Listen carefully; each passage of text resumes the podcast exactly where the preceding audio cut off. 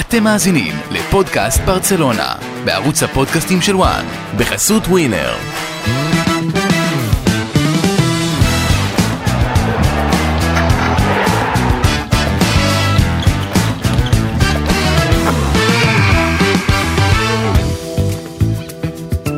פודקאסט ברצלונה, פרק 62 על הקבוצה שהכל, אבל באמת הכל יכול לקרות בה, לטוב ולרע. אנחנו כאן אחרי התיקו המאופס מול חטאפה במשחק הבכורה של העונה בליגה.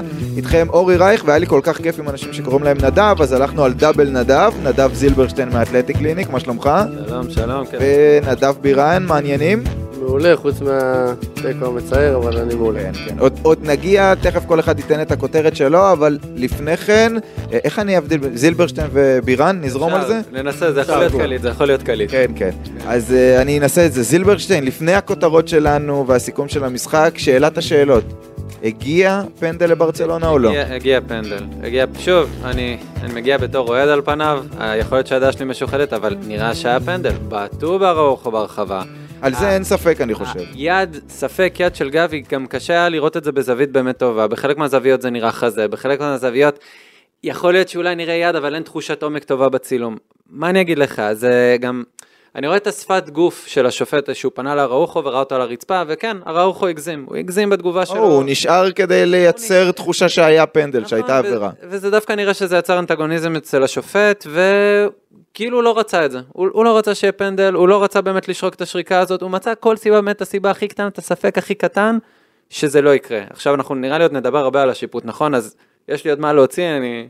בירן, היה פנדל? הגיע פנדל? אני חושב אה, שהיה פנדל, מהבחינה הזאת אני לא יודע איך זה עובד חוקתית, אבל אה, לחשוב על זה שוואר אמור להתערב ב-100% אה, אם כן או לא, אז אם הוא יתערב ואתה לא יודע, לגבי הפנדל אתה יודע שהייתה עבירה ב-100%, לגבי, אלף אחוז. לגבי היד אתה אומר אפילו לא 50% בטוח שזה קרה, אז לדעתי לא צריך לשנות החלטה של, של השופט. אם זה על נגיעת יד שלו בוודאות. אבל זו הבעיה, השופט לא לקח החלטה. הוא לא לקח... לא, הוא לא שרק אבל ליד בתור התחלה. לא, גם הוא לא שרק לכלום, זה לא בדיוק הבעיה. לא שרק לכלום, אבל הפנדל, העבירה עצמה הייתה ב-100%, היד עצמה לא כל כך. כן, לא כל כך. אני כן חושב, יש זווית אחת, יש את הזווית שכולם מריצים בטוויטר, ששם זה נראה כמו חזה, יש עוד זווית כאילו מתוך השער, שזה נראה שהכדור קודם פוגע בחזה, בואכה שקע כתף, כמו שאומרים בצבא, okay. אוקיי. ואחרי זה, זה נראה שהכדור מקבל עוד איזושהי נגיעה קטנה מהזרוע. עכשיו, השחקן שם של חטאפה תופס את גבי ומניע אותו לעבר הדבר הזה, אבל כמו שאתה אומר, יש מצב שאם זה היה בדקה 50, השופט היה הולך עם עבר שקראו לו ונותן את הפנדל, ופה בדקה 100-105 הוא, לא רצה הוא, להכריע הוא, המשחק. הוא לא רצה להכריע כשיש את כן. הנגיעת יד הזאת, למרות ששוב, אני חושב שאף אחד ב- ב- בתקשורת, גם של מדריד, לא היה כועס אם היה נשרק פה פנדל, כי בעיטה ברגל הייתה, כן. והיד היא באמת מאוד מאוד גבולית. גם אם היה נגיע, הייתה נגיעת יד, אני לא חושב שזאת עבירת יד, או זה המרח... כאילו, לא, לגבי לא הייתה אפשרות להימנע מהנגיעה הזאת, וגם אני עדיין חושב שזה היה בחזה, אבל כן, וגם צ'אבי אומר בסוף המשחק, אמרו לנו, עשו לנו פגישה עם השופטים, ואמרו לנו, ישרקו רק על נגיעות יד ברורות. וזאת גם לא נגיעת יד שיצרה מצב להבקעה, או משהו בסגנון, גם על החוק הזה עשו כל מיני אה, ניואנ- ניואנסים בשנים האחרונות. שיהיה, בסוף לא שרק, לא שרק לפנדל, אה, ונגיע לכותרות שלנו. אה, בירן, מה הכותרת שלך מהמשחק? הכותרת שלי היא שברסה ובעצם צ'אבי נפלו בפח של בורדלס, בעצם מאמן שהוא, המטרה שלו היא בעצם אה, בכל השנים, זה הקבוצה שלו תמיד הקבוצה עם הכי הרבה עבירות, הכי הרבה צהובים, הכי הרבה אדומים, זה לא סתם ככה, הם מנסים לגרום ליריבות לאבד את העשתונות ולאבד את הסבלנות, בתור התחלה בבונקר שמקשה על היריבה. ואז אה, זה מביא לתסכול, ואחרי זה עם כל המכות הקטנות, המרפקים, האגרופים, כל המשחקים המיותרים האלה, מוציאים את השלווה של השחקנים ובעצם מוציאים אותם מאיזון וגורמים לזה שהם לא יצליחו להביא, אותה, להביא את הרמה שלהם לידי ביטוי. אני מאוד מסכים, כי אנחנו כולם מכירים את חוזה בורדלס. לך איזה משחק מילים, אני לא רציתי לקחת לך, אבל הכותרת של זה הייתה טובה כשהתכתבנו. אה, לשבור דלס. ממש. אה, הוא, כולנו יודעים איך בורדלס מתנהל, כולם היו ערוכים לזה, ואני חושב שפה, יש לי מן הסתם המון, אנחנו נדבר המון על השיפוט, אני כל הזמן מכין את ה... עושה הכנה לקראת הנושא הזה, כי אני חושב שהוא זו באמת... הכותרת היה- הבאה, כי זה, אלה באמת שני הדברים הגדולים שמדברים עליהם. אה, ואני חושב. שזה גם רלוונטי, אבל אם אני בכל זאת אתייחס לחלק של צ'אבי שהיה חסר פה, אני רואה נגיד... את גם על זה נדבר. כן, אבל אפילו מבחינת הכנה מנטלית. Hmm. אני לא חושב שבורדלס זר לצ'אבי, הוא לא זר לאף אחד בליגה. נכון. כולם יודעים אה, למי הולכים לצפות, מה הולך לצפות להם אם הם באים לקולוסם אלפונסו פרס של אה, חטאפה של אה, בורדלס. אז אני רואה נגיד את התגובה של רפיניה, עכשיו שוב, ליבי יוצא על רפיניה, אני יכול להבין את הסיטואציה הבאה, נכנסים בך, נכנסים בך, נכנסים בך, ובסוף כל מה שאתה רוצה זה רק להחזיר ותעזבו אותי בשקט, אבל זה גם מראה לי על הכנה מנטלית לא טובה לקראת משחק מהסוג הזה. זה היה קרב חפירות, וזה, וכולם, אני חושב שכל העולם ידע שאנחנו לקראת קרב חפירות מזעזע, ופשוט כנראה שהם לא היו ערוכים לזה, השחקנים עוד צעירים ויש להם עוד אתה אומר הכנה, אני לא פותר פה, אבל גם צ'אבי ניסה קצת לגונן באיזושהי צורה על רפיניה. בוא, רפיניה, הרגע הלך דמבלה, חיכית, מה שנקרא, שנה שלמה כן. להזדמנות הזאת, להיות בהרכב הראשון.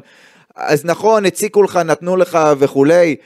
זה לא שהתפתח שם איזשהו מאבק דחיפות והוא, לא, והוא היה. פתאום... ש... לא, אני אומר באותה סיטואציה, בסיטואציה של המרפק, לא הייתה התגוששות, דחיפה, דחיפה, דחיפה, פתאום לא, שחקן. שולח סטירה. הוא פשוט הלך על השחקן עם המרפק בעידן של ור לתוך הפנים, זה, זה חוסר אחריות אדיר במשחק שאתה רואה גם, זה לא היה, זה לא היה, אתה יודע, בדקות הראשונות של הדברים מתחממים, זה היה לקראת סוף המחצית, אתה רואה שהקבוצה שלך לא מסתדרת, הקבוצה שלך לא מצליחה לכבוש, לא מצליחה כמעט לייצר מצבים, אז אתה עוד מפקיר אותה בעשרה שחקנים, אני מבין ש, שהסיטואציה הייתה...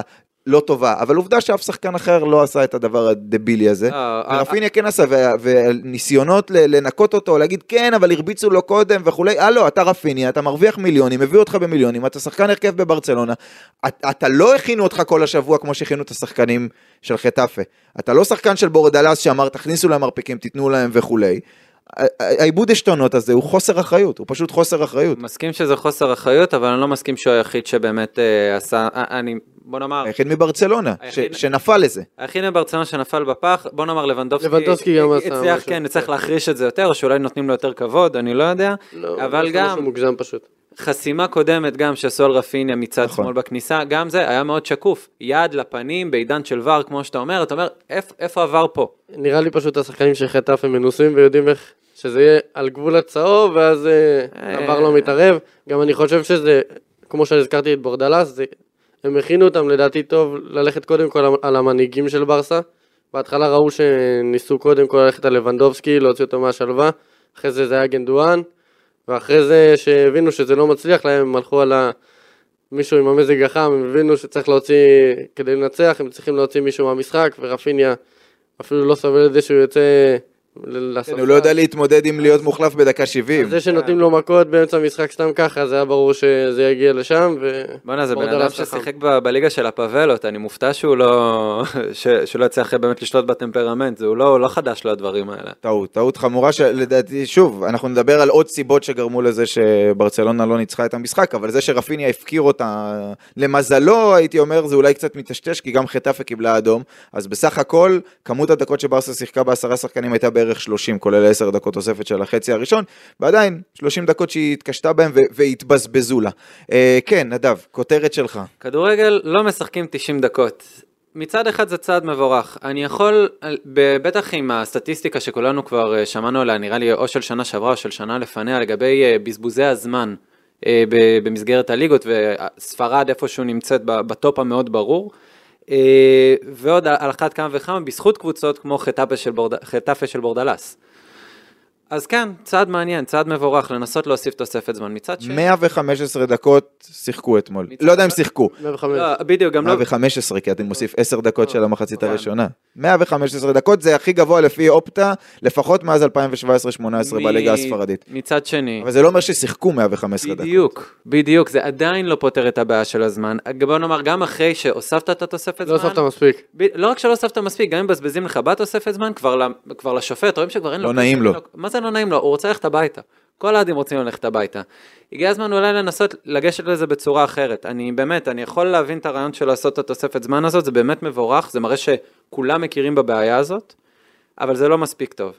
בוא נאמר, אפילו ברמה של בוא נוריד את הזמן האבסולוטי ל-80 דקות, ובהכרח נעבוד עם אה, עצירות זמן כמו בכדורסל. צ'אבי אמר אתמול, צריך לעבור למבנה של זמן אפקטיבי. בדיוק. זאת אומרת, אולי עם עצירת שעון, אולי משהו בסגנון הזה, אני פשוט לא...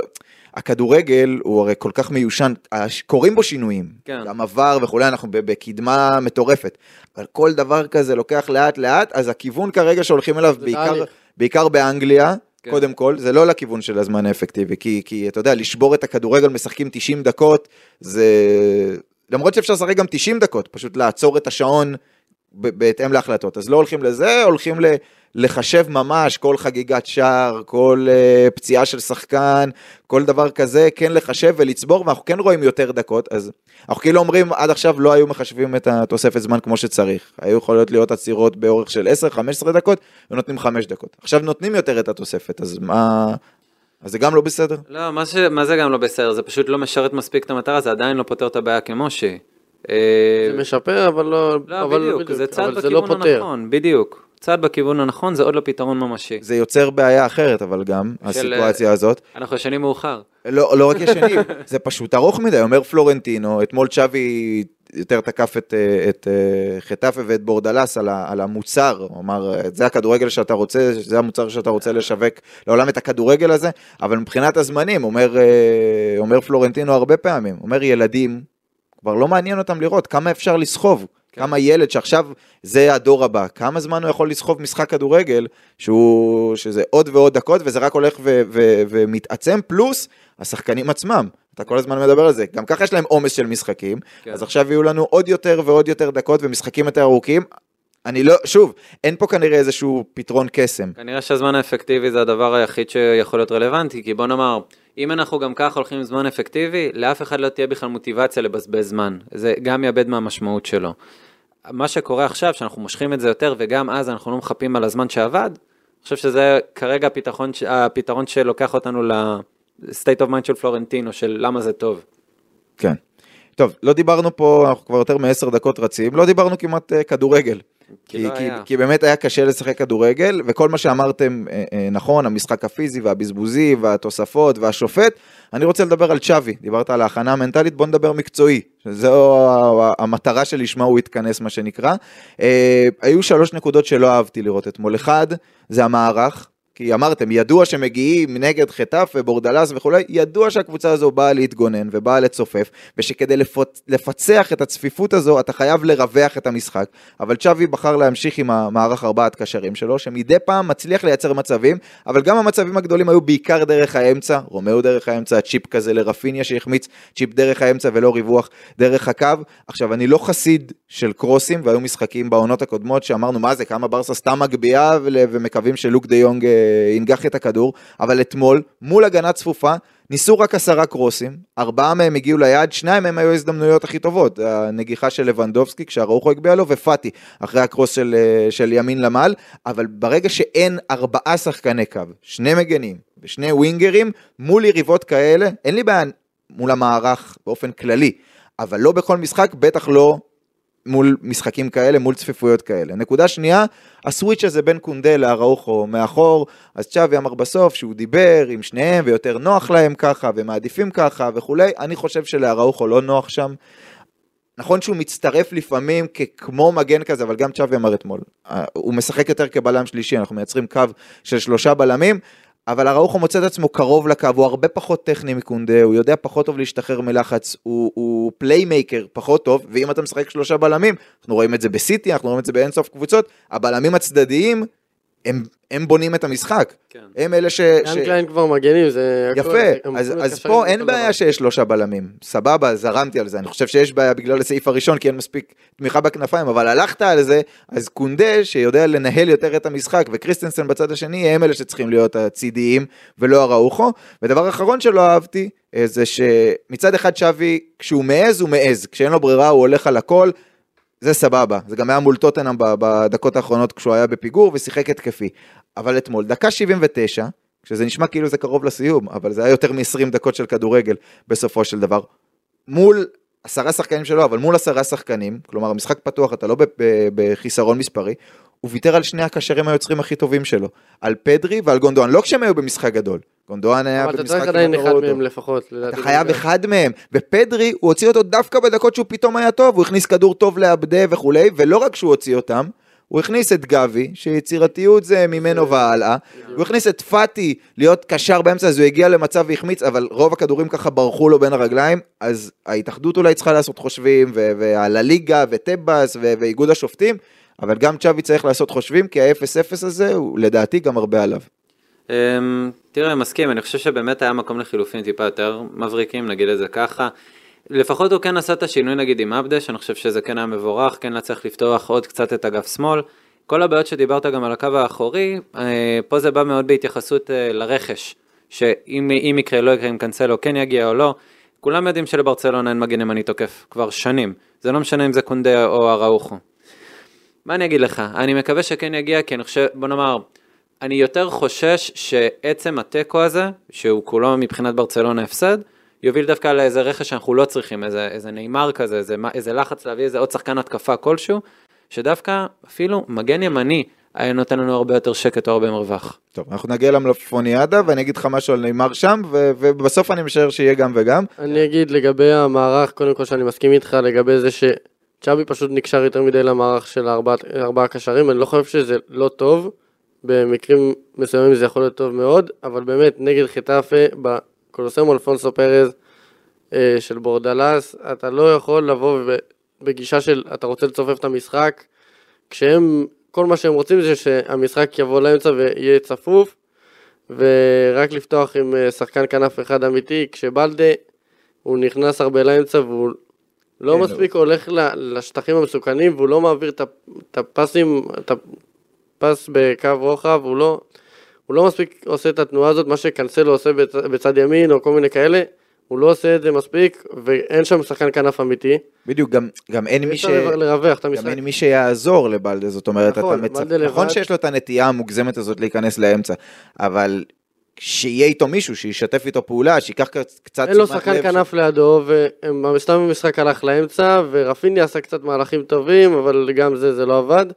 ובנושא ה switch בין קונדה לארוחו, אני גם לא, לא אוהב את זה. אני חושב ש... אני, כאילו, אני אוהב את זה בקצת, כי ארוחו יותר עולה מאשר קונדה, ויש לו מהירות שהוא פורץ, אבל כמו שאמרת, הוא לא playmaker, אין לו טכניקה של לנהל משחק, אין לו משהו כזה, אני מעדיף את קונדה בתור מגן ימני, כביכול. אגב, זה אחרי שירדנו הרבה על בלם. קונדה, גם עוד ירדנו לפני זה הרבה על קונדה שהוא לא באמת מגן. זה...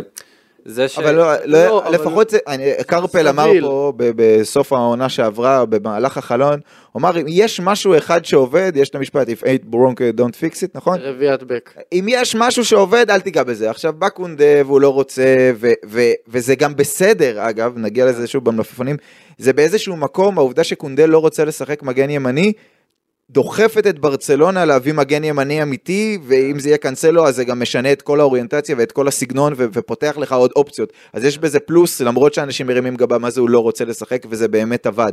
אבל מחצית ראשונה, הייתה לו מחצית ראשונה אדירה לקונדה. אני חושב, גם הוא בתור בלם, זה המשחק הכי טוב שלו בתור בלם. במחצית. השנייה, במחצית הראשונה מה? המצב הראשון של הטסה שם היה על הראש שלו, כדורי גובה הוא לא הצליח להגיע. לא יודע, אני פחות אני יותר שקט שקונדה, שאראוחו באמצע וקונדה בתור מגן ימני. בדיוק. ובנושא גם החילופים, אני אגיד שגם אני לא אהבתי את זה ששני הקשרים היצירתיים יצאו בבת אחת ולא, וזה- ולא נכנס. זאת גם הייתה הנקודה שהכי חשוב להחזיק מישהו יצירתי נכון, באמצע, צפוף, אתה רוצה מישהו לא הבנתי שינווט, מישהו שייתן. כדור חכם, כן. את שניהם הוצאת?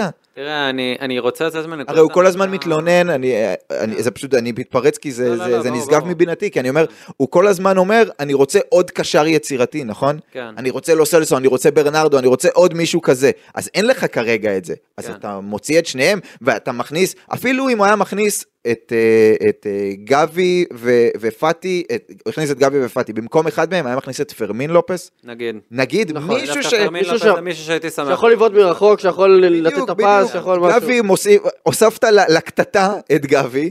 ו- ושמת את פאטי שאני מבין כאילו את הרעיון אתה רוצה עוד מישהו שיכבוש שערים תכף כן. גם ניגע בזה אבל אבל לא שניהם זאת אומרת כן. שניהם ביחד זאת הטעות כל אחד מהם בנפרד עם בסדר. מרגיש לי שצ'אבי יודע שפשוט, לא יודע למה, מרגיש לי שהוא יודע שהמערך ארבעה קשרים הזה לא, לא יעזור לו ב-60 דקות הראשונות של המשחק, והוא פשוט מחכה לזה, שטוב, לא נספוג, ואז נשלח את, את כל השחקנים קדימה, זה מרגיש לי לא נכון, כי אומנם קשה לצאת עליו, כי באמת כל הקשרים מצליחים במערך הזה, זה העמדה של דה יונג בתור הקשר ליד הקשר האחורי, ואוריול רומאו שהיה מעולה, קשר אחורי, ופדרי וגנדואן, שני, כולם נראים מעולה במערך הזה, חוץ ממשחק ההתקפה של ברסה, שלא מקרטע. זה- פשוט לא עובד. אמרת את זה מושלם. כן, לא, זה תלוי זה בקונטקסט. עובד, ל- זה עובד לכל השחקנים, אבל פשוט בתור... אבל זה לא עובד לקבוצה. זה לא עובד לקבוצה, זה בעייתי. תראה, אוריול רומאו נראה ממש טוב במשחק אתמול, כי גם לא לחצו אותו. היו רגעים שלמים שהוא פשוט יכל ללכת עם הכדור, וכאילו כל השחקנים של חטאפה קיבלו פקודה לא לעבור איזה קו מסוים בשביל ללחוץ אותו. לא הייתה סיבה. כן, אבל הגנתית, הוא כן, הרי אמרו כל הזמן ש... כאילו איפה, איפה היתרונות שלו והחסרונות שלו מול, מול כן. בוסקץ. אז מבחינת לנקות כדורים ולקטוע התקפות. הוא גם עשה יפה. לא, הוא גם ואגב, יוצר מצבים, הוא גם יוצר כן, מצבים. כן, הוא יודע להכניס כדורים, הוא יודע לאיים מרחוק. כי נתנו לו את הפתח הזה. הוא, הוא באופן יחסית קיבל משחק, בוא נאמר, בוא לא נגעו הכי פחות. מ- מכל השחקנים של ברצלונה, גם בטח, שהוא הם החזיק פוחדים כדור. ולא התקרבו אליו. יכול להיות. הלוואי וזה זה. אבל הבעיה גם בצ'אבי זה שהיכולת שלו גם לשנות את המערך הזה, פתאום להחליט שהוא עובר נגיד לאיזה 4-3-3, משהו שם לא מתחבר לו. משהו שם לא מתחבר לו, יכול להיות שכל הקשרים מרגישים יותר נוח ב-4-4-2, לא פוסל את זה, אבל זה לא מספיק טוב. אני חושב שרוב המשחקים, אם יש איזה, איזה ספקטרום של לקבל קבוצה שרוצה לתקוף נגדנו, כמו ריאל מדריד, או לקבל קבוצה כמו חטאפה, שכולנו יודעים מה מצפה לנו, רוב הקבוצות ינטו יותר לכיוון של חטאפה. צ'אבי צריך מעכשיו לחשוב על פתרונות כלשהם. כי כמו שזה, מה שקרה אתמול, אנחנו צריכים לראות עוד הרבה השנה. כן, אני מסכים. אגב, צ'אבי שונא שאומרים שהוא משחק 4-4-2. אומר, זה לא 4-4-2, זה יותר, עם הכדור זה יותר ה-3-4-3 עם רפיניה ובלדה אה. בכנפיים. הבעיה היחידה שלי שהפודקאסט מצולם זה שאתה תראה את כל הגלגולי עיניים שלי ברגע שאני שומע איזה שטויות כאלה של צ'אבי, זה, זה בעיה. כן. הוא תמיד אומר, אני לא משחק 4-4-2, כי אני לא משחק עם שני חלוצים, רפיניה הוא לא חלוץ, הוא על הקו. אה, טוב, רומאו, אה, יש פה קונצנזוס שהיה לו משחק טוב. אה, גונדואן קצת לא, לא, לא הרגשתי אותו, כאילו הוא לא הצליח, לא הצליח למצוא את עצמו שוב בתוך הצפיפות הזו. כן. אה, יכול להיות שנגד קבוצות אחרות, במשחק שהוא יותר, שהוא גם בא מהליגה האנגלית. בליגה האנגלית נכון שקבוצות שבאות מול סיטי לא באות עכשיו לשחק פתוח, אבל א' הוא גם קיבל... בא הוא גם בא מסיטי. נכון. שזה- קודם כל הוא קיבל שיעור אתמול. כמו שלבנדובסקי קיבל את השיעור אחרי ראיו ויקנו במחזור הראשון, הוא הבין לאן, לאן הוא הגיע, והוא הבין שיש הרבה מאוד קבוצות שיפוצצו, ופעם זה מצחיק, כי פעם הכדורגל האנגלי, היית אומר, זה הכדורגל הפיזי, הקשוחים והזה, היום יש שם שטחים, יש and gun, יש מקום, אתה יודע, להניע את הכדור, ופה אתה בא, בטח נגד חטאפה בחוץ, אתה בא ללכת מכות, והוא, ושוב, הוא לא מצא את עצמו, אני לא מאשים אותו, כמו שאני, שוב, מאשים את, ה, את המערך שגורם לזה שהכל הולך הולך דרך האמצע. ויכול להיות שבמשחק הזה כן היה נכון לוותר או על אה, רומאו או על דה יונג, לשחק עם קשר אחורי אחד. ו- ולרווח קצת, ואז גם לגונדואן היה יותר, יותר מקום, יותר אה, יכולת להביא את עצמו לידי ביטוי בלהניע. אני לא יודע אם אנחנו לא צריכים לצפות מגונדואן דווקא במשחקים כאלה, וזה גם מה שאני מצפה מפדרי, ולא ראינו את זה ממנו בחצי הראשון. על השאר. לא רק להם על השאר, ל- להיות יותר דומיננטי, להרגיש שהדברים עוברים דרכו. נכון, עשרה במחצית- מול עשרה, במחצית הראשונה פדרי לא הורגש. לא הורגש. מחצית שנייה צורה. בעשרה לעשרה עשרה מול עשרה, כשפתאום היה שטחים, פתאום פדרי היה לו יותר נוח. אבל גם פדרי וגם גונדואן, אתה מצפה מהם, הם הכוח היצירתי כרגע, כשאין שני שחקנים בכנפיים והכל הולך דרך האמצע. פרנקי הוא זה שמחלץ מאחור ודוחף קדימה, רומאו יכול לאיים מרחוק, אבל הם הקריאטיביות של הקבוצה, והכדורים צריכים לעבור דרכם, והם צריכים לבקש את זה יותר, ו- ולהיות יותר דומיננטיים בהנעת הכדור של ברצלונה. למשך משחק שלם, הם הרבה פעמים פשוט נעלמים בדיוק. לתקופה וחוזרים פתאום. פתאום נופל, פתאום זה נופל לי. סרג'י רוברטו לא שיחק בכלל, הוא היה בסגל, הוא היה זמין, נכון? נכון, נכון. אבל רצית את סרג'י רוברטו? מה, מה, הייתי מכניס את סרג'י רוברטו בהיעדר העובדה שאין לנו קשרים יצירתיים אחרים. נגיד, אה, מול קבוצה כמו חטאפה, וואלה, שאני חושב על זה, יש מצב. יש מצב שזה היה עובד טוב. יכול להיות שבורדלס מתקשר ואומר לך שזה חטאפה. יכול להיות, כן, כל הזמן אני מתבלבל לי. אני אה, אני הייתי מעדיף לראות אם אחד מהם אז את פרמין, שיכול גם לאיים מרחוק. אני, בוא נאמר, אני יכול להבין אם הוא היה נגיד. חושש על פרמין, שהוא לא רגיל לאינטנסיביות הזאת, או לסוג משחק הזה, סרג'י רוברטו שחקן מנוסה. אני דווקא כן חושב שהוא יכל להיות פתרון מעניין אה, בתור קשר לסיטואציה הזאת. מוזר לי, וואלה, אני אה, אמרתי, אולי משחקים של היררכיה, משהו כזה, אבל בואנה, זה סרג'י רוברטו, זה הקפטן הראשון שלך. זה שחקן שכן אה, מכיר את הקבוצה, כן יודע מה מצפה לו. מעניין, וואלה, מעניין למה הוא לא שיתף אותו. טוב, בוא נדבר על מי שכן אה, נכנס מהספסל, אה, למין ימל. אני מוכרח להודות שאני מאוהב, אני מאוהב אני בעד הזה. כולם דיברו על טוטנאם, אני עדיין זוכר את ה-8-10 דקות נגד בטיס בעונה שעברה. גם, היה שם צ'יפ אחד, והיה שם איזה. דריבל וכמעט גול. אתה יודע, כולם אומרים, לא, אנחנו מתכתבים בקבוצה של השדרים והפרשנים אתמול, ואומרים לי, מה, קרפל אומר שיכניס את אה, פרן, למה הוא נותן לפרן? הוא אומר, הוא צריך להכניס את למין ימל, הוא זה שצריך להיות על הדשא כמה שיותר. התחושה שלי כשאני רואה אותו, בעוונותיי מה שנקרא, אני אוהד מכבי תל אביב, זאת אותה תחושה שהייתה לי לא כזה מזמן, לפני איזה שנה וחצי, כשנתנו הזדמנות לאוסקר גלוך, והוא עלה, ואתה מסתכל ואתה אומר, בואנה, רמה אחרת. זה, זה, הוא ב-level אחר מכל מה שיש, וזה לא משנה בין כמה הוא. כן. זה לא משנה.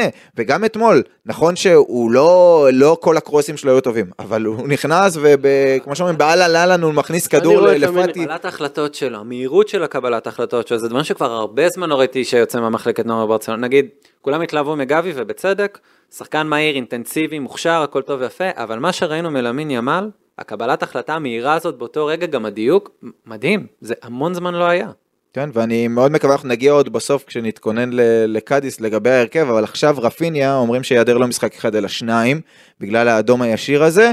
כן. אני מקווה שצ'אבי ייתן ללמין ימל לפתוח. זה בסדר, לא יקרה שום דבר, לא צריך לחשוב על אולי ניתן לפרן, למרות שאני אוהב את פרן והוא עשה pre-season יפה כחלוץ מחליף, אבל אנחנו גם רואים שצ'אבי אתמול לא נתן לפרן וכן נתן ללמין להיכנס כמחליף, אז אני חושב שצ'אבי כן מבין את הראש, הוא רואה את הסגנון, וזו גם הזדמנות ללמין ימל לאותת לרפיניה, כשאתה לא נמצא או כשאתה קצת פחות טוב, אני כאן. יש מישהו. כן. כן, אני כשאני רואה אותו אני מרגיש ביטחון, לא יודע למה, אני כאילו... זה הוא מטורף, זה ילד בן 16 אני- והוא נוסך בך ביטחון, זה זה הזוי, אבל זה ממש תגיד אם נכון. אני, אני מאמין בפרן וזה, אבל אם אני רואה את פרן, יש בי עוד חשש, עבדה בצד שמאל עוד חשש, למין ימל נכנס, אה, הכל בסדר, העמדה מאוישת כמו שצריך, לא יודע למה, זה פשוט ו- ואתה רוצה, אני לפחות שאני ראיתי את ברסה אתמול, ואתה רוצה שהכדור ילך אליו, לא משנה כאילו, אוהד לא אוהד, אתה רוצה ש... מזכיר- מזכיר את התחושה של פאטי כשהוא התחיל. כן, ב- בדיוק. אתה רוצה שהילד הזה יקבל את הכדור, לא משנה מה. כי משהו יקרה, שיקרה. כי משהו יקרה. אז נכון, היו לו גם קצת קרוסים פחות טובים,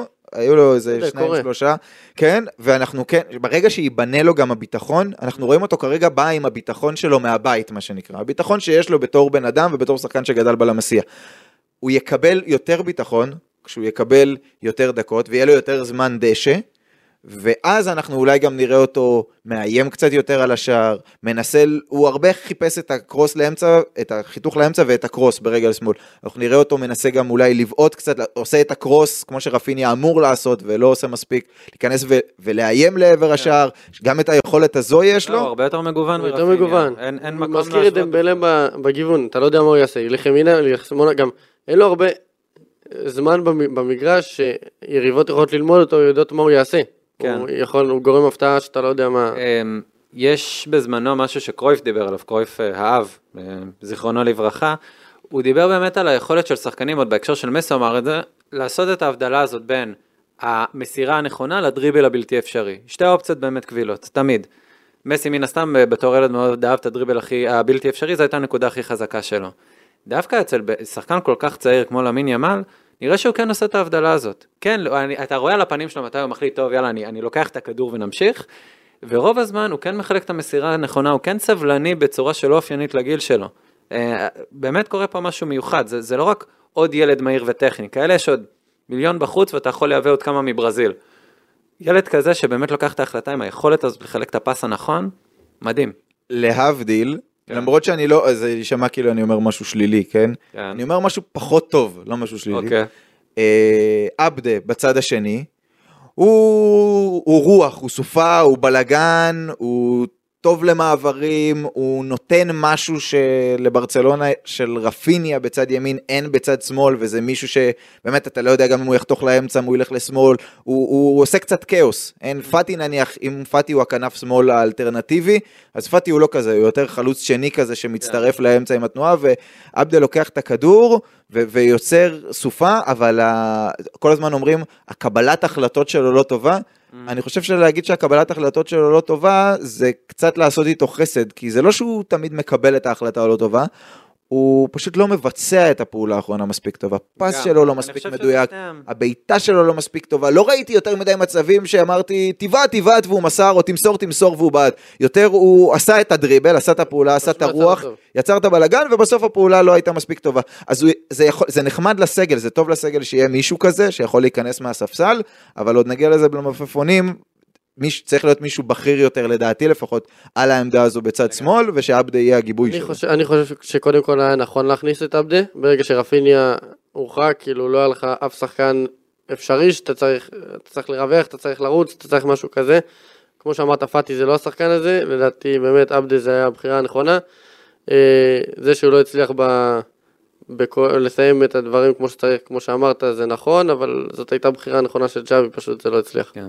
אני אגיד לך מה, אתה נתת תיאור מאוד, שמתאר מאוד יפה את עבדל, לגבי באמת כמה שהוא רוח וכמה מדהים וכמה הוא לא צפוי, וגם לפעמים, גם בין הקבלת החלטות לבין הביצוע, זה בדרך כלל שם. באותה, באותה נשימה אני יכול להגיד, וואלה, דיברת גם על צ'ימי אבילה. וואלה, דיברת על עוד כמה שחקנים אה, התקפיים מעניינים, אה, נגיד בסדר גודל של אוססונה. כי הוא באמת שחקן שמתאים בהכרח לאוססונה. אני חושב שבמה שעושה באוססונה, אה, עונה ש- עונה שעברה היה מדהים. אה, לא פחות. אגב, גם שם לא היה לו מספרים יותר מדי. נכון. בדיוק, גם שם אולי היה עקבי, אבל זה הספיק לקבוצה כמו ססונה. אני תמיד בסימן שאלה, גם עליו, גם על, אה, על רומאו לצורך העניין, האם באמת הם מי שמתאימים לסטנדרט שאנחנו מצפים שיהיה בברצלונה. בוא נאמר, אני פחות אופטימי לגבי רומאו, כי וואלאק, הוא, אין לו עוד לאיפה לגדול, הוא לא, הוא לא שחקן צעיר, הוא לא, אין עוד, אין עוד מרווח ללימוד פה. אצל עבדה, אני מקווה, אני מקווה שהאמון שצ'אבי נותן בו יניב פירות ברמה כלשהי. מה? עוד here we go? מה אתה אומר? לא, לא, אנחנו מתקרבים למלפפונים, אבל וואו, יש פה אחוזים מצחיקים. תכף, תכף נגיע לזה.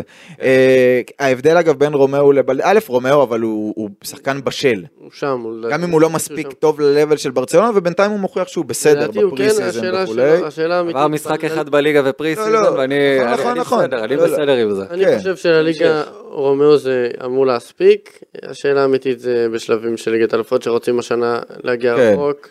אני מסכים. שלנו. ושוב, הרול שלו יותר מרכזי מעבדה. אז עבדה הוא באמת, אתה, עוד יש לו תקרה אולי להתקרב אליה, כן, אה, אבל הרול שלו לא אמור להיות שחקן משמעותי כמו רומאו, כן, לגמרי. מהצד השני. טוב, אמרתי הרבה פעמים שנגיע לשם, אז הנה הגענו. ועכשיו, המלפפוניאדה. טוב, המלפפוניאדה בברסה, קודם כל זה לדבר על הכסף שנכנס, שמאפשר אה, לזה שיהיה כסף לצאת. אז אה, ברסה מאז הפודקאסט הקודם אה, ממחזרת מנוף, פעם היה להניף מנופים של קיץ עכשיו קודם, עכשיו הם. ממחזרים. לא נלאה אתכם אה, בבית יותר מדי בפרטים. קיץ שעבר, ברצלונה מכרה 49% מהחטיבה שנקראת ברסה סטודיוס לשתי חברות ב-200 מיליון. במסגרת ההסכם היו אמורות החברות האלה להעביר בקיץ הנוכחי 60 מיליון מתוך ה-200, זה היה במסגרת התוכנית התכנות שברסה הגישה לליגה הספרדית. לא הייתה להן את האפשרות להעביר את זה, שזה כבר סיפור אחר, שאוהדי ריאל כבר פותחים על זה עיניים, מה זה, קיבלתם מנופים, נתנו לכם מקום בתקציב, אבל בעצם הכסף לא הגיע. בכל מקרה, ברסה מוכרת חלק מהאחוזים שהיא מכרה לחברות אחרות, אמריקאיות, שמזרימות כבר עכשיו את אותם 60 מיליון, מה שמאפשר לברסה לרשום כמעט את כל השחקנים שלה למחזור הראשון, כמו שראינו, את הבכירים ביותר, אה, וביחד עם הכסף שנכנס מקסיה ודמבלה, גם להחתים שחקנים. עכשיו אתם אוהדי ברצלונה, חוויתם הרבה עם דמבלה, אנחנו נסגור פה את הסיפור הזה של אה, דמבלה, פעם אחרונה שנדבר עליו, הולך בסוף ב-35 מיליון אירו מתוך ה-50 שפריז שילמה עליו. אה, בירן, ברוך שפטרנו או כאב ראש מקצועי או גם וגם? אה, לאחר ההחלטה שלו, לדע- לדעתי ברור שפטרנו, שחקן שלא רוצה להיות בברסה, לא נראה שצריך להיות בברסה, גם אחרי כמה שטיפלו בו וכמה שתמכו בו, ובסוף הוא לא רוצה להיות בברסה ועם צ'אבי, אז אה, ברוך שפטרנו. ואפשר להסתדר עם מה שנשאר בעמדה שלו בכנף ימין? לדעתי למין ימל אה, ורפיניה זה אמור להספיק. נדב?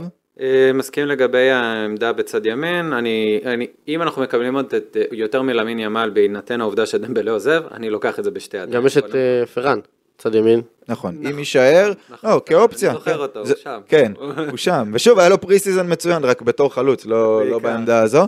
אה, טוב, מתחילת הקיץ היה ברור, עכשיו נדבר על מה עושים עם הכסף. אוקיי. אה, היה ברור שמעבר לקשר במקום בוסקץ, ועוד קשר יוצר שגבי, שגבי, שצ'אבי רוצה, אולי בגלל שגבי לא מספיק יוצר, אה, ונגיע גם לעמדה הזו, מגן ימני, זאת העמדה שהכי זועקת לרענון, זרקו הרבה מאוד שמות לאוויר, נראה לפי כל הדיווחים של כל הכתבים הבכירים, כולל פבריציו רומנו בארבע וחצי לפנות בוקר שמרטווט את עצמו עם העיניים האלה. אה, נראה שברסה מאוד קרובה להשלים אה, עסקה מעניינת על ז'ואאו קאנסלו, למה אני אומר מעניינת? כי לפי כל הדיווחים, וזה אמור להיסגר השבוע, השאלה עם אופציית רכישה, והנוסחה הזו אומרת לדעתי, תכף נדבר מקצועי, אבל אומרת הרבה על הרצון הגדול של כל הצדדים במהלך הזה, ברסה זה ברור, אה, וזה חלק מה, ממדיניות הכאן ועכשיו שלה, שדיברתי עליה בפודקאסטים קודמים. יש צעירים בסגל, אבל בשביל להביא תארים גדולים צריך שחקנים גדולים, וקנסלו למשל מועדף על פרסנדה, שהוא אולי לעתיד יותר נכון, וגם יהיה שלך ולא בהשאלה, אבל הוא מגיע, קנסלו עצמו, שגם מוכן להפחית בשכר וגם מתעקש על ברסה, וזה קצת מסנדל את סיטי, שאולי הייתה מעדיפה למכור אותו בכסף, אבל ברגע שהוא נעול אז אין הרבה אופציה, ואין ברירה גם כי סיטי כנראה ממש רוצה אותו בחוץ, את השכר שלו בחוץ, אה, ורק כשכולם ממש רוצים, אז אפשר להעביר בהשאלה, בשכר מקוצץ, עם אופציית רכישה ולא חובת רכישה, את מי שיש כאלה שמגדירים המגן הימני הכי טוב בעולם. אה, החלק הטוב הוא זה שהוא לא רק המגן הימני הכי טוב בעולם, או שלפחות הוא היה, הוא עושה כמה תפקידים וגם ברמה טובה.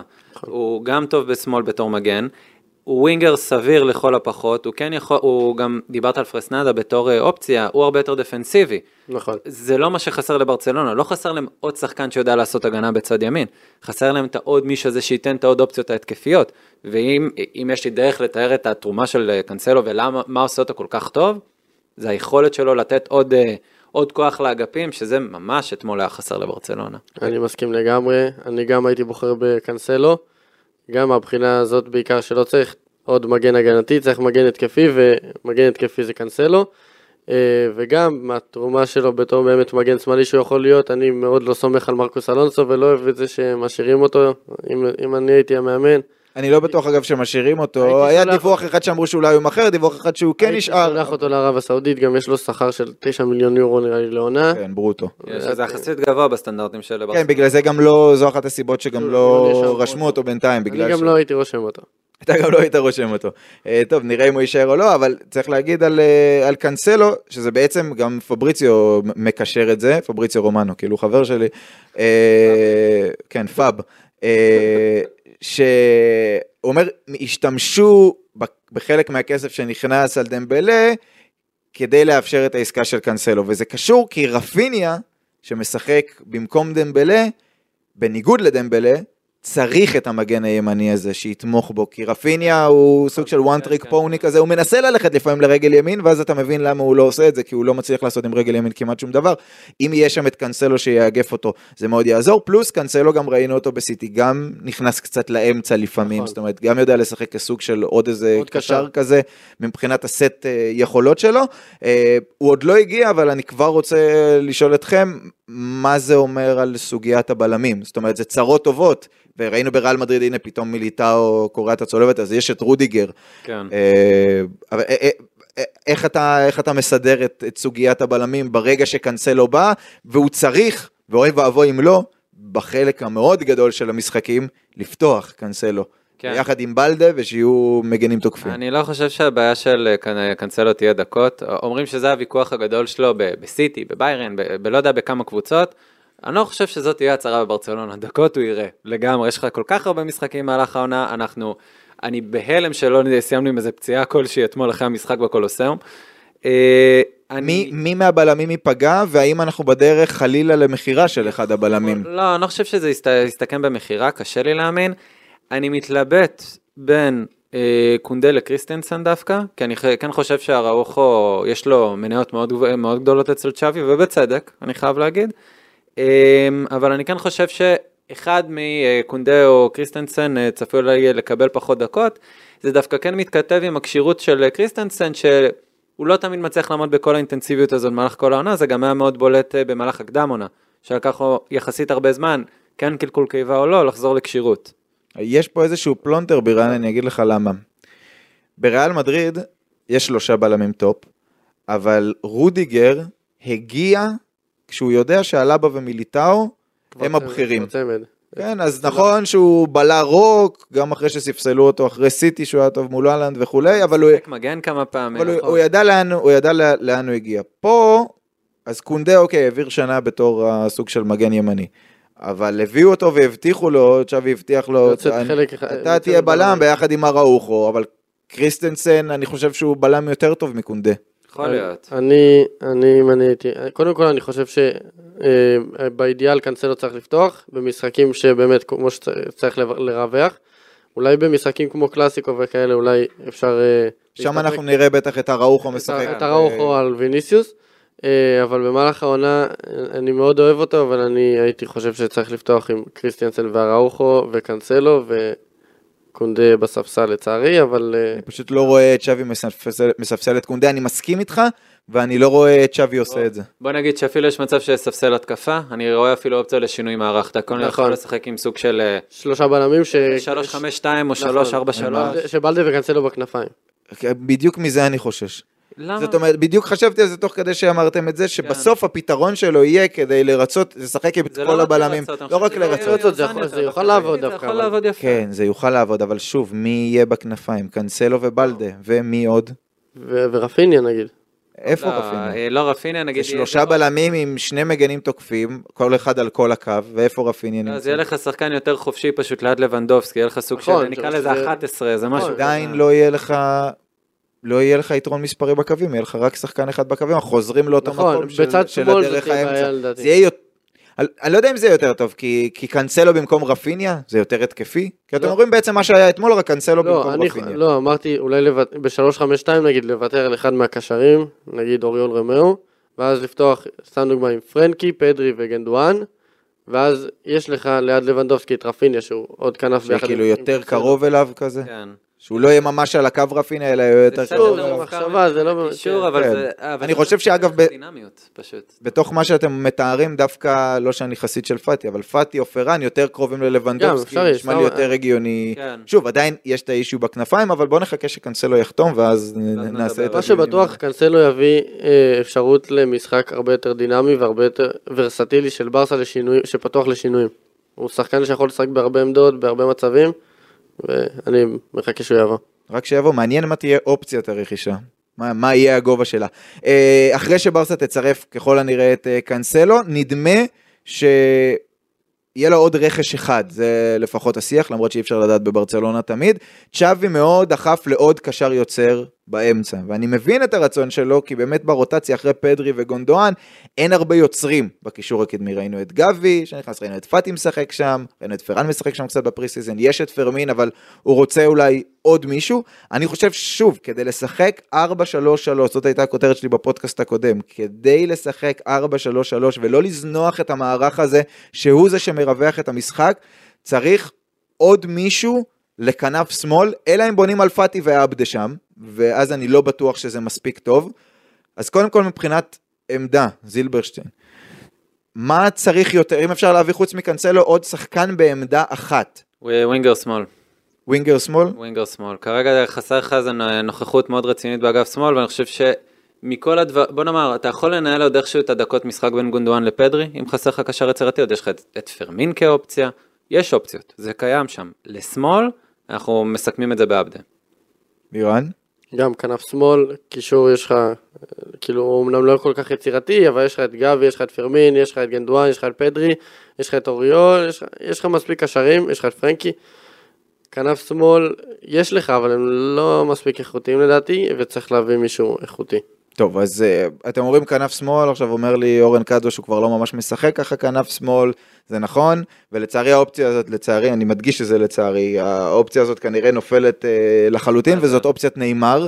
Uh, אתמול בלילה היה פתאום איזה דיווח ראשי במונדו דפורטיבו, לא באיזה טוויטר אה, שולי כזה, פרננדו פולו טוען, ברסה נכנסה לתמונה ברגע האחרון, והיא מצליחה להביא, להתקרב לזה שנאמר יהיה שנה אחת אצלה, זה לא אהבתי את הנוסחה הזאת, אבל כן. שנה אחת אצלה ואז ילך לערב הסעודית, אבל uh, מתאו מורטו, עכשיו הציטוט המדויק היה ש... איפה זה? שהאופציה הזאת נשללת ב-99.37 אחוז, הוא כבר צוחק כנראה על אחוזים כן. של אחרים, אה, אז הוא יורד מהפרק, אז לא, אין יותר מדי מה להרחיב על זה, אבל אמרנו את זה גם בפודקאסט הקודם, ישבתי פה לא, לא עם אנשים שהם אוהדים, כן. עם, עם לבטל וקרפל, וכולנו הסכמנו עם כוכביות, שלמרות הכל, ושלמרות הבגידה של אז, ולמרות שהוא כבר לא ממש ווינגר שמאל, ולמרות הפציעות, ולמרות ולמרות ולמרות, נאמר, אני שוב, צפיתי אתמול ב, ב, במשחק ואמרתי לעצמי, אלוהים, איך מישהו יכול לראות את ברצלונה הזאת משחקת כדורגל ולא לרצות ששחקן כמו נאמר יהיה עכשיו על הדשא? לא?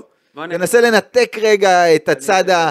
את הצד הרפואי שיש בך, ואת הצד האוהד שיש בך. את כל הצדדים אתה לוקח, אתה משאיר, אתה מקלף אותי לכדי אה, אני- אוהד וזהו. לכדי אה, מישהו שנותן אה, פרשנות על כדורגל. אני אגיד לך דבר כזה, בוא ניתן לך איזה, אפשר לעשות ממש פינת דברים שחברים אומרים באיזשהו, אוקיי. באיזשהו מקום. משפט יפה שחבר אמר לי, אומר, וואלה הייתי מקבל את נאמר בעונה הזו של ברצלונה במונג'וויק, שהוא לא בטעות יחזור וידרוך שוב על הדשא בקאמפ נו. מה? ממש, ואני נוטה להסכים.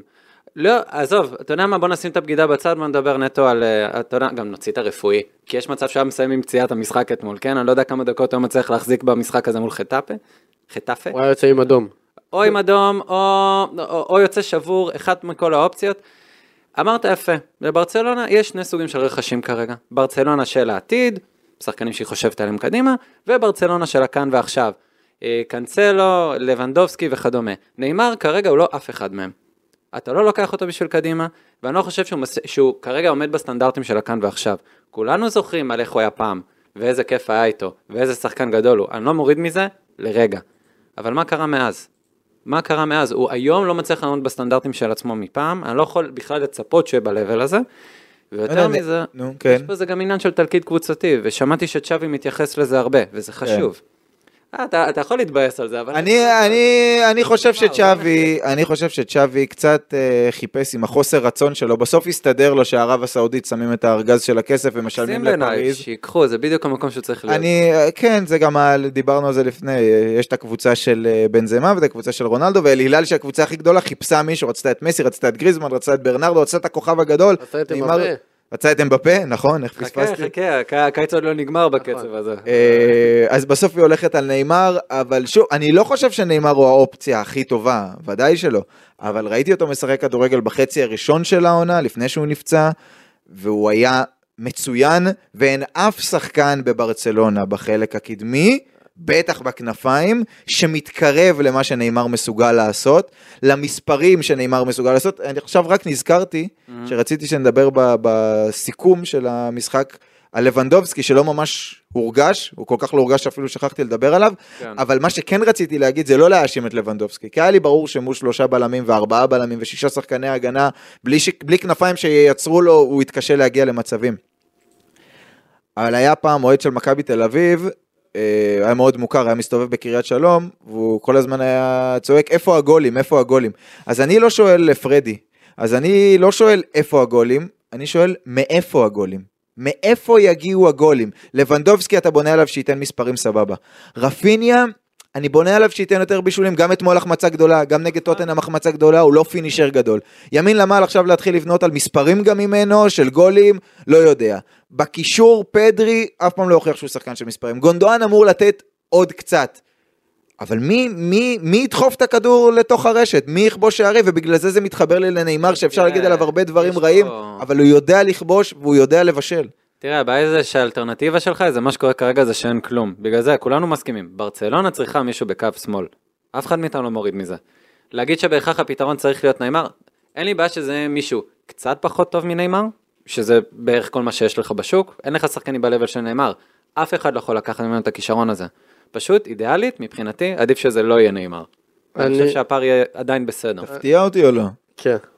אה, לא יודע מה- מה החשיבה שלך. אני- אוהדי ברסה אני יודע מה לצפות בדרך כלל. אוקיי, אז אני דווקא כן הייתי רוצה לראות את איזה ניימאר. רדוקציה, איזה רדוקציה אתה עושה לנו, מה זה, יש לנו, יש לא, לנו זה ברור, אה, לא, זה זה ברור, זה כמו שתהיו יותר אנטי דמבלה, וזה מובן, כן. גם להיות יותר אנטי לא. ניימאר אחרי כל מה שקרה זה זה כן, יותר מלגיטימי, זה האובייס. אני הייתי רוצה לראות את נאמר דווקא, אה, מהחשיבה הזאת שאין אף שחקן שיכול להביא מספרים, ונאמר זה די מובטח לך גם עם פציעות וגם עם כזה, שהוא יעשה עונה עם ספרות כפולות גם כנראה בבישולים וגם בשערים, לא- לפחות בשערים.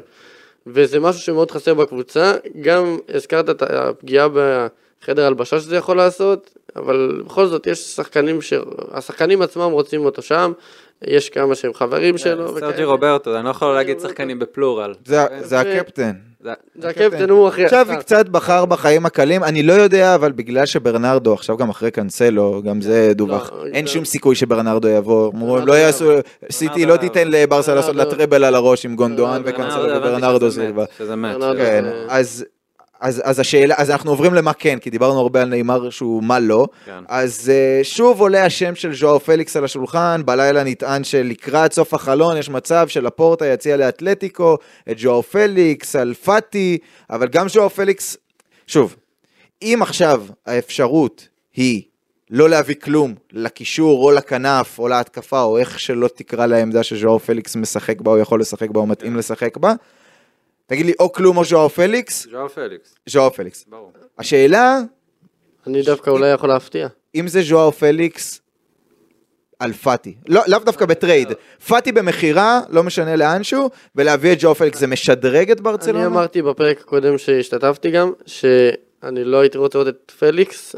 זה בעיניי אותו דבר בעצם כמו עבדה ופאטי, עוד כמו עבדה, הוא אמנם יותר טוב מעבדה, אבל זה עוד שחקן שעדיין לא הוכיח שהוא יכול לתת לך מספרים, הוא לא עדיין עבר, לא יודע, את הכמות גולים שתעזור לך באמת להביא קבוצה לאליפות. הוא לא באמת מה שלדעתי ברסה צריכה, הוא גם לא הכנף שמאל האידיאלי. נכון. הוא לא, הוא לא... אני כן לא רואה אותו. הדבר היחיד שאני רואה בו פלוס אצל, אה, אצל ז'ואר פליקס, זה שכולם אומרים אין את העמדה שלו בברצלונה, א', מה העמדה שלו? מה, עדיין לא יודעים. לא כל כך ברור, אבל אני חושב שבמערך של הארבעה קשרים, כן. הוא יכול להיות... הוא, הוא יכול להיות אחד מהשניים היצירתיים שמשחקים קרוב ל- עוד מישהו, עוד ללבנדובסקי. מישהו שיכול לעשות את זה, דווקא הזוי אחרי כל מה שקרה, זה גריזמן, אבל עכשיו... כן. זה כבר- לא, לא, לא, לא לא. לא, זה כאילו- כן, כן, גריזמן זה כבר לא יקרה. זה, זה מת. Um, אני אגיד לך, בואו אני אפתיע את שניכם דווקא, מבחינת ההסתכלות על uh, פליקס. Um, מדובר על... אתה לדעתי מהראשונים שכבר מזמן אמרת לי על אמרתי ז'ואר לך בתחילת פליקס. החלון, יש לי הרגשה שהולכים לדבר עליו, כי נכון. הסיטואציה הייתה ברורה, זה היה out there.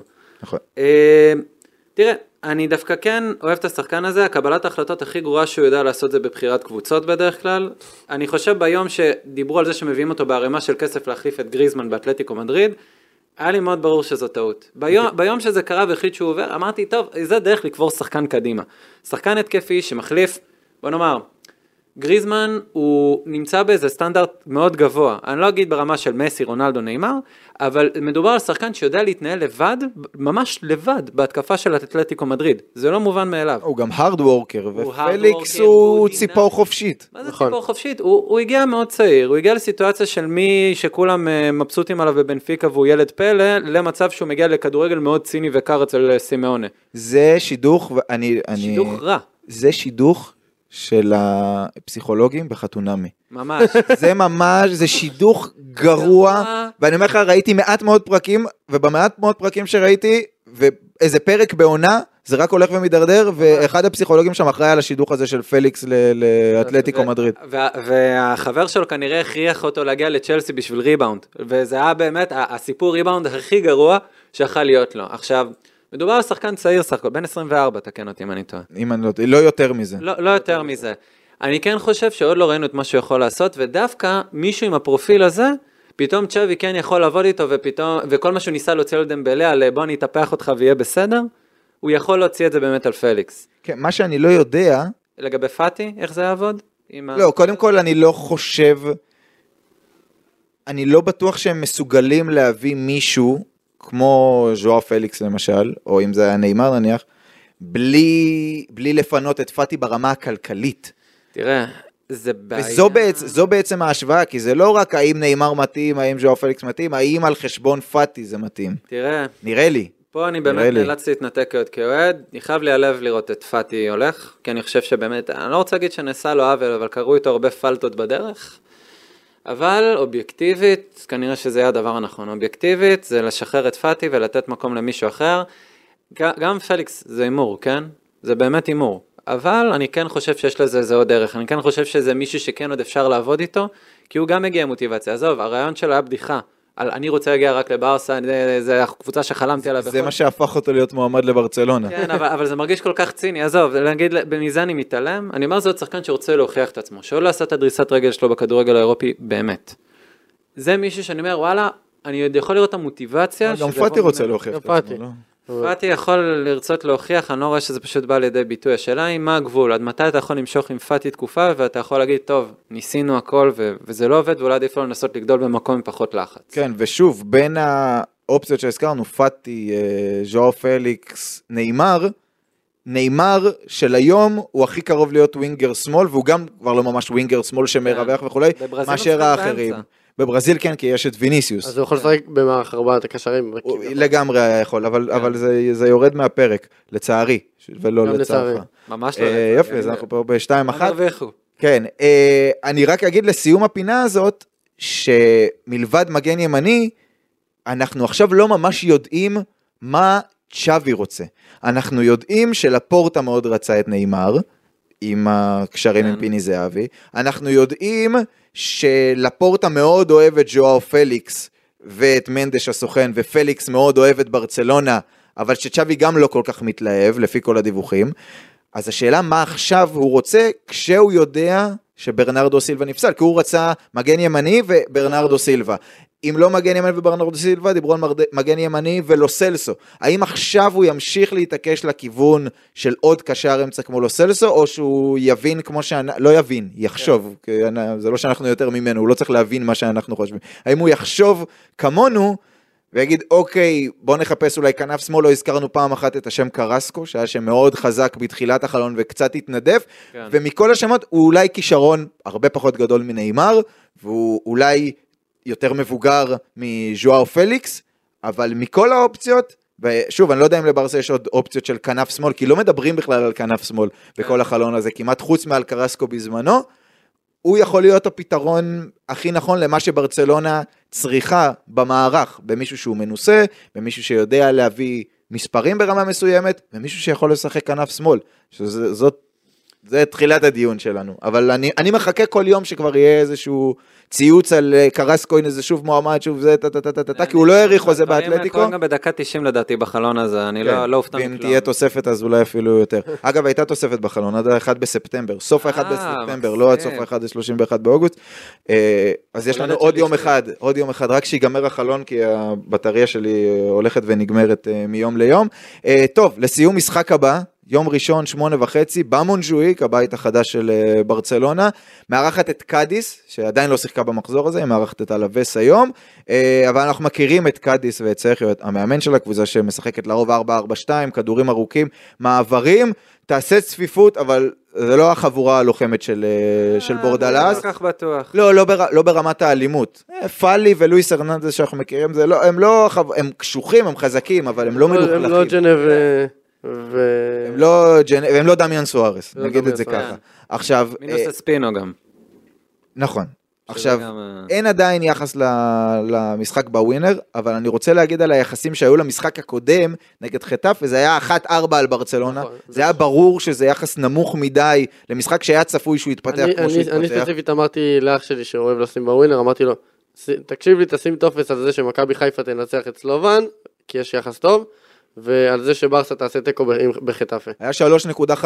זה לא היה כסף על הרצפה, וזאת הייתה הזדמנות גדולה ודיברנו על זה. היה מכובד. זה, זה היה כן. כאילו סיכוי די טוב שברסה תמעד שם. כן. אה, אז אני רוצה לשאול אותך זילברשטיין, האם צריכים להפיק אה, בווינר לקחים, וכתוצאה מזה, מה צריך להיות היחס על ברסה נגד קאדיס?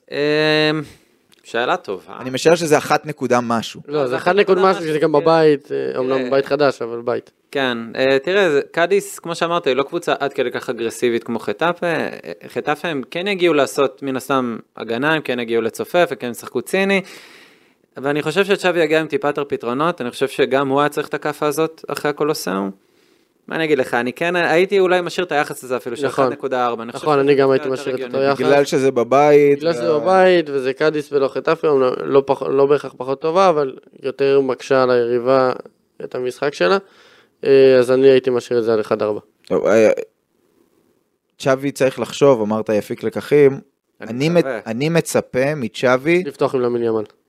א', לפתוח עם ימין עמל, כן. קודם כל צ'אבי מורחק לשני משחקים, אבל הוא זה שיבחר את ההרכב, בדיוק, ו- ורפיניה אה, דרך אגב, אני לא אהבתי את ההרחקה שלו, זה היה... מוגזמת, כן.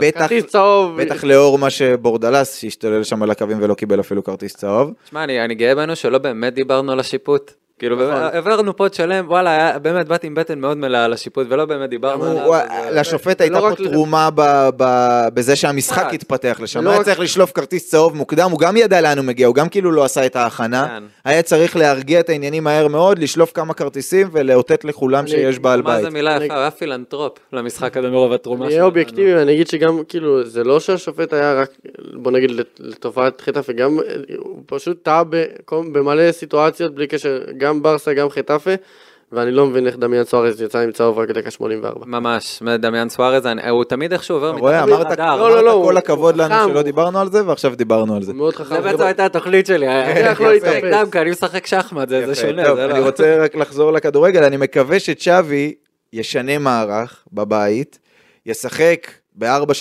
אני מקווה שכבר יהיה לו את קאנסלו, אבל גם אם לא יהיה לו את קאנסלו, שישחק 4-3-3, לא משנה, קונדה, אראוחו כמגן ימני, אבל עם לאמין ימאל בצד ימין, עם שלישיית קישור, שיבחר הוא על מי הוא רוצה לוותר, בין אם זה רומאו, בין אם זה דה יונג, אני מעדיף שזה יהיה אחד מהם כדי להשאיר גם את אה, פדרי וגם את גונדואן, ושאת צד שמאל ייתן לפאטי, או ייתן אותו לעבדה, או ייתן אותו אפילו לפרן, אם הוא רוצה לתת לו דקות אחרי שהוא לא נתן לו, וירווח את המשחק, ולא רק בגלל הצד ההתקפי, אלא כי בניגוד לחטאפה, קאדיס, שמשחקת 4-4-2, משחקת עם שני שחקנים על כל קו, נכון. ויש לה ווינגרים מהירים, והמגנים במעברים גם ינסו להצטרף ולתמוך, וברסה לא רק התקפית, גם הגנתית, אם היא תהיה רק עם שחקן אחד על כל קו, קשה. יהיה לה קשה, יהיה לה קשה, היא צריכה את האיזון הזה, היא צריכה את הריווח, ומכל הכיוונים היא צריכה את הדבר הזה לדעתי, כדי, שוב, כדי לכבוש את השער הראשון המהיר. גם ריאל מדריד נגד אתלטיק בלבאו, שהיא יריבה הרבה יותר חזקה, לא נראתה טוב, לפחות לא במחצית הראשונה. אה, מזל שבלבאו גם לא נראו טוב. נכון, אבל. ברגע שהגיע השער הראשון, פתאום דברים השתחררו. אז ברסה צריכה, בטח בבית עם התמיכה של הקהל, את השער הראשון. מישהו מכם רואה את ברצלונה מועדת, מסיימת עם רק שתי נקודות מתוך השש הראשונות? לא. אני מקווה שלא. תשמע, גם אם כן, גם אם כן, היו עונות מאוד טובות של ברצלונה שהתחילו מאוד חלש. לצורך העניין, עונת הטריפלט התחילה מאוד חלש. אני לא אומר שאיכשהו יצא מזה טריפלט, כן. אבל אה, מן הסתם הלוואי. אני חושב שיהיה משחק אה, עם ניצחון בשני שערים, בתקווה, אה, או איזה 2-0 או 3-1, משהו כזה, ואני מקווה שבאמת נחזור למסלול הניצחונות. טוב, נחזור, צריך להתחיל בעונה הזו, נחזור בעונה שעברה. טוב, נדב, נדב, תודה רבה אה, לשניכם, תודה לכל. הנדבים גם שהאזינו לנו, וגם למי שלא קוראים לו נדב. אנחנו נשתמע אה, בשני הבא, אחרי המפגש אה, נגד קאדיס. ביי ביי. ביי.